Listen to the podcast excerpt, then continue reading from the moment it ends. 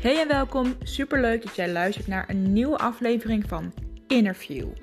Interview is de podcast die jou helpt om bij jezelf naar binnen te gaan kijken. Wie ben je nou diep van binnen? Waar liggen jouw verlangens en hoe kan jij het contact met je innerlijke kind versterken? Waarom dat van belang is? Luister mee. Welkom bij aflevering 19 van Interview. En in deze 19e aflevering gaan we het hebben over de invloed van scheiden op het innerlijke kind.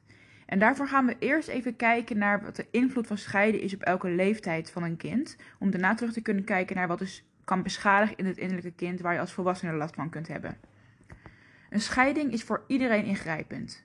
Of je ouders nou wel of niet nog met elkaar door een deur kunnen, het feit blijft dat je veilige basis in één keer uit elkaar valt en je nieuwe manieren moet vinden om die veiligheid te kunnen krijgen. En als jong kind heb je nog niet of nauwelijks geleerd om te praten. Je kunt als baby of als dreumes alleen maar goed uiten waar je last van hebt door te huilen of door bepaald gedrag te vertonen.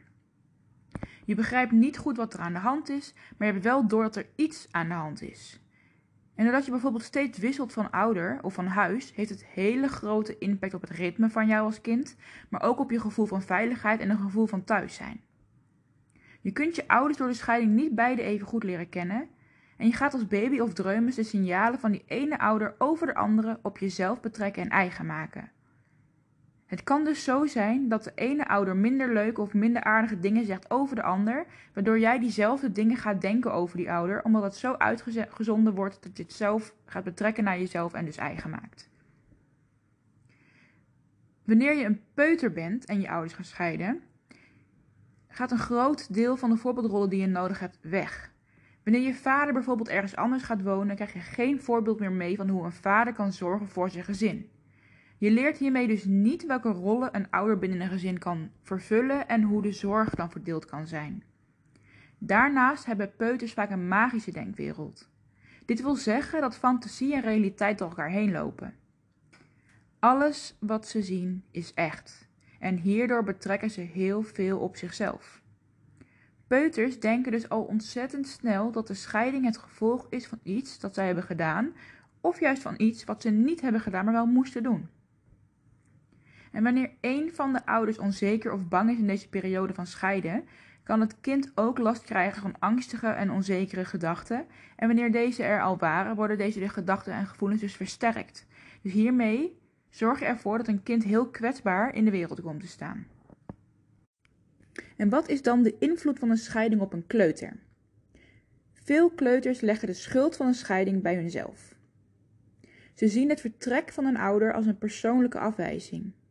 En door deze persoonlijke afwijzing zijn ze bang dat de andere ouder ook bij ze weg zal gaan. Als ik maar leuk en lief genoeg ben, dan zal papa of mama wel bij me blijven. Als ik maar leuk of lief genoeg doe, dan mag ik vast wel bij papa of bij mama blijven wonen. En ook zal er heel veel boosheid bij een kleuter kunnen zijn. De boosheid en het verdriet zullen vooral buiten huis uit, uh, geuit worden. Dus misschien denk jij wel van, oh, mijn zoon of dochter lijkt nergens last van te hebben. Maar vraag dan eens op school of bij ouders van vriendjes of vriendinnetjes wat, het, wat zij zien. Want vaak zal daar het verdriet of daar de boosheid wel geuit worden. Ook is de kans bij een kleuter groot dat ze een terugval krijgen in hun ontwikkeling. Denk bijvoorbeeld aan meer aandacht nodig hebben of weer vaker in bed plassen. En dit zijn allemaal uitingen van de angst om alleen gelaten te worden. En ook dat magische denken en die fantasie spelen weer een grote rol in het leven. Ze zijn ontzettend veel bezig met hoe de toekomst eruit zou kunnen zien, maar hebben er geen grip op, hebben nog te veel magisch denken, waardoor ze er eigenlijk een heel spannend en groot ding van kunnen maken. Als je op de leeftijd van de jonge basisschoolkinderen, dus tussen de 6 en 9 jaar is dat, een echtscheiding van je ouders meemaakt, dan is de kans groot dat je terechtkomt in parenticificatie, lastig woord. Dat zorgt ervoor dat je je dus heel veel zorgen gaat maken over je ouders, dat je je zoveel mogelijk tegemoet gaat komen, dat je ze wil gaan helpen en dat je dus eigenlijk je eigen verlangens onderdrukt om je ouder tegemoet te komen. Dus eigenlijk, parentificatie houdt in dat je de rol van een ouder gaat invullen. Dus de verzorgtaak van een ouder gaat overnemen. En daarin richt jij je vooral op de ouder die het meeste lijden heeft onder de scheiding. Dus jouw schoolprestaties worden minder. Het wordt moeilijker om je te concentreren. Misschien moet je van school veranderen, waardoor het ook moeilijker wordt om nieuwe vriendjes te maken. Door de veranderende financiële situatie is de kans er dat je niet meer bij een sportclub kan, dat je je hobby's niet meer kunt beoefenen. Maar eigenlijk ben jij jezelf alleen maar aan het wegcijferen om je ouder te kunnen helpen, om je ouder te kunnen bijstaan. Bij oudere basisschoolkinderen is het weer wat anders. Dat zijn kinderen tussen de 9 en 12 jaar oud. En als je op deze leeftijd een echtscheiding meemaakt, dan zul je daarvoor buiten je eigen gezin compensatie gaan opzoeken. Je bent ontzettend verdrietig, je snapt niet waarom jouw gezin niet compleet kan blijven en de kans is groot dat je in de steek gelaten voelt door je ouders of door een van je ouders. En misschien snap je verstandelijk prima dat een scheiding het allerbeste is op dat moment. Maar emotioneel gezien weet je er nog geen raad mee. Daar ben je gewoon nog te jong voor om het te kunnen begrijpen, om het te kunnen verwerken. Je gaat waarschijnlijk overlevingsstrategieën ontwikkelen. En dat zijn manieren waarom jij, waarop jij met emoties en gevoelens om kunt gaan.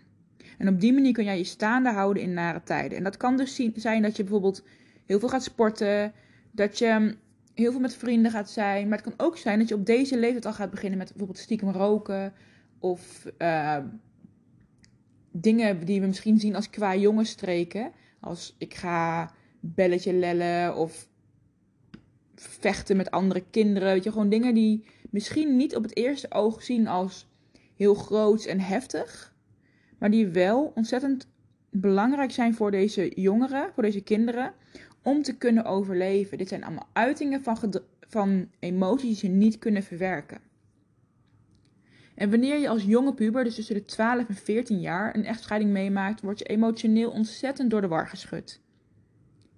Je gaat je waarschijnlijk vroeger dan gemiddeld van je gezin afkeren. En dit zijn natuurlijk allemaal gemiddelde voorbeelden. Dat betekent niet dat als jij gaat scheiden en je kind is 14, dat het precies zo gaat als ik hier nu vertel. Het is meer hoe het over het algemeen vaak gaat. De kans is dus groot dat je je vroeger dan gemiddeld van je gezin zult afkeren. Je gaat je steun ergens anders zoeken en niet meer bij je ouders. Waarschijnlijk ook niet meer bij je broers en zussen. En als jonge puber ben je ontzettend snel geneigd om partij te kiezen.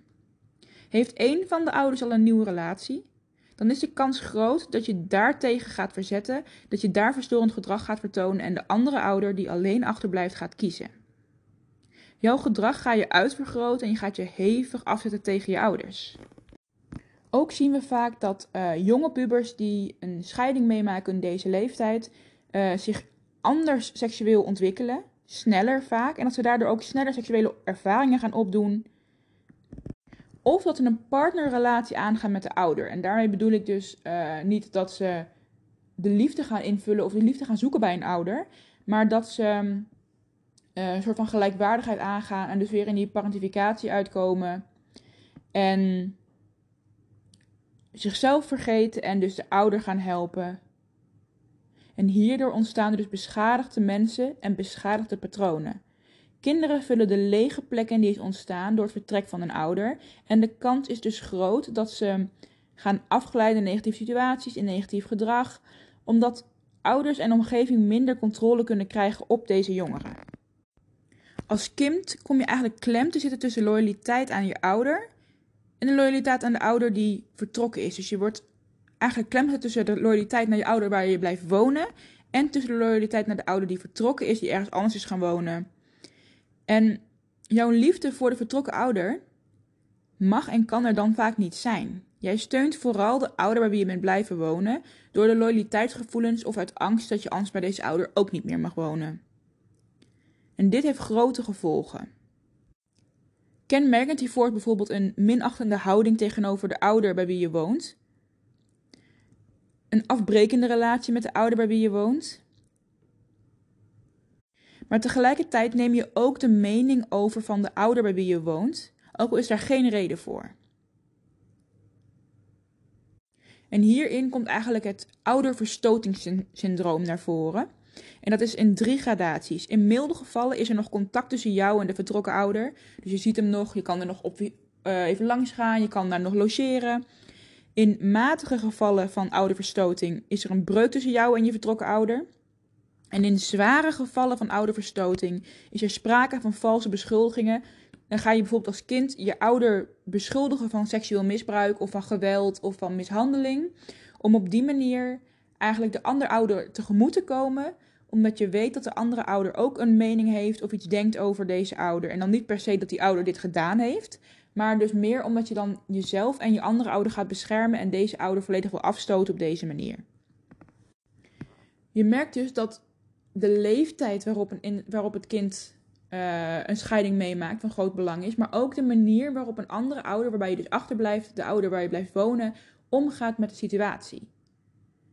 Wanneer dit dus onveilig gebeurt, wanneer jij als moeder of vader achterblijft met je kind en de andere partner is vertrokken en je gaat hier negatieve dingen over zeggen, al is het niet tegen het kind of misschien niet in het bijzijn van het kind. Het kind ervaart het, het kind voelt dit en gaat hierdoor in een loyaliteitsconflict komen en gaat waarschijnlijk jouw kant kiezen. En wanneer je als volwassene gaat terugkijken naar bijvoorbeeld die peutertijd dat je tegen dingen aanliep, dat je je niet hebt kunnen volledig, volledig hebt kunnen hechten aan je ouders, omdat je de ene keer bij de ene was en de andere keer bij de ander, is het niet gek dat je nu als, met je innerlijke kind tegen dingen aanloopt als mensen niet durven vertrouwen, je nergens op je plek voelen, je nergens echt thuis kunnen voelen, altijd zoekende zijn, nergens langer kunnen blijven, geen relaties aan kunnen gaan of niet vo volledig aan kunnen gaan. Heel veel dingen die ontstaan in een scheiding zijn, van laat, zijn later van ontzettend grote invloed op een persoonlijke ontwikkeling, op hoe je in het leven staat, op de heling van je innerlijke kind.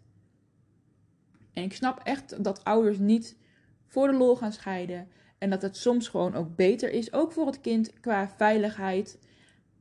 Maar hou er rekening mee dat het wel van grote invloed is. Probeer in contact te blijven met je kind. Probeer te vragen hoe het met hem of haar gaat. Probeer de andere ouder niet af te vallen, ook niet waar het kind niet bij is. Om op die manier het kind helemaal het gevoel te geven dat het niet aan het kind ligt, het kind nog steeds geliefd is, het kind helemaal oké is, ook als hij de andere ouder ook wil zien of de andere ouder ook uh, liefde wil geven. Maar zorg ervoor dat het kind ervaart dat het goed is, dat het prima is, dat het oké is. Om op die manier, beschadigingen ga je niet voorkomen, maar je kunt wel de gradatie ervan voorkomen.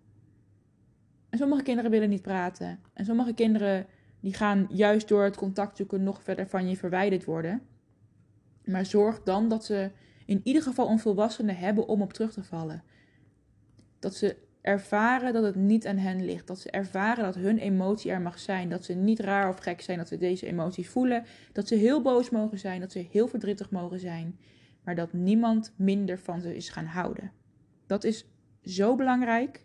En ik hoop dat je dat mee kunt nemen. En wanneer jij een kind bent van gescheiden ouders, dat je weet dat het nooit jouw schuld is geweest. En dat je weet dat je van een heleboel dingen die je nu doet in je leven de oorsprong kunt vinden in die scheiding. En dat er dus ook heel veel te doen is om te helen. Dat je weer kunt leren om gelijkwaardige relaties aan te gaan. Dat je kunt leren om jezelf belangrijk te maken. Dat je kunt leren om grenzen aan te geven. En dat je kunt leren dat je liefde niet hoeft te verdienen, maar dat je dat waard bent. Dankjewel voor het luisteren. En ik hoop dat je als je hiermee te maken hebt gehad, er iets mee kunt. En dat je je ook veilig genoeg voelt om mij een berichtje te sturen, mocht je daar je fijn bij voelen.